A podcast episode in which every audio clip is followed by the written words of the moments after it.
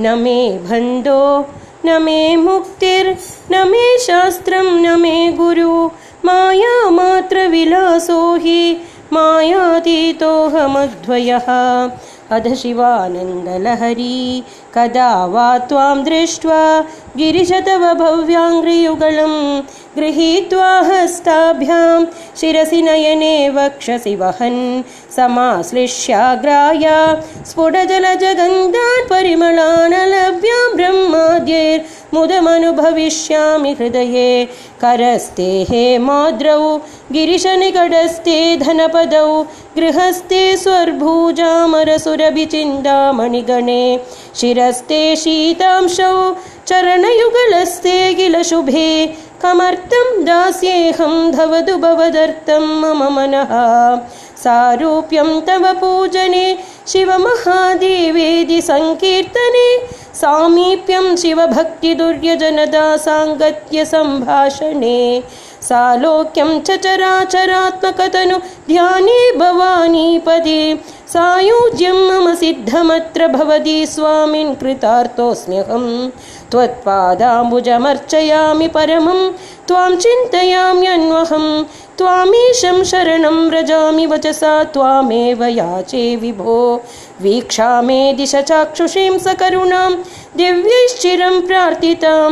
शम्भो लोकगुरो मदीयमनस सौख्योपदेशं कुरु वस्त्रोधूतविधौ सहस्रकरदा पुष्पार्चने विष्णुता गन्धे गण्डवहात्मदान्नपजने बर्हिर्मुखाध्यक्षता पात्रे काञ्चनगर्भदास्ति मयि चये द्वालेन्दुचूडामणे शुश्रूषां करवाणि ते पशुपदे स्वामिं स्त्रिलोकी गुरो नालं वा परमोपकारगमिदं त्वेकं पशूनां पदे पश्यन् कुक्षिगदांश्चराचरगणान् बाह्यस्थितान् रक्षितुं सर्वामर्त्यपलायनौषधमति ज्वालाकरं भीकरं निक्षिप्तं गरलं गलेन गिलिदं नोद्गीर्णमेव त्वया. ज्वालोग्रस्सगलामराधिभयदक्ष्वेलः कथं वा त्वया.